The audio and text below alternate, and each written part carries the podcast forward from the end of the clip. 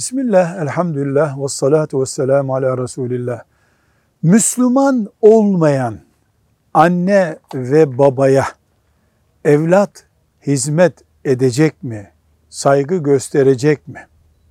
Cevap, baba Müslüman olsun, kafir olsun, müşrik olsun, ne olursa olsun, anne aynı şekilde dini var veya yok. Evlat, evlatlığında kusur etmeyecek. Saygı, merhamet, hizmet yapacak. Onun dinini hizmet konusu yapmayacak kendisine. Yani mesela Hristiyanlığına hizmet etmeyecek. Annesine, babasına hizmet edecek. Allah'ın açık emri bu şekildedir. Velhamdülillahi Rabbil Alemin.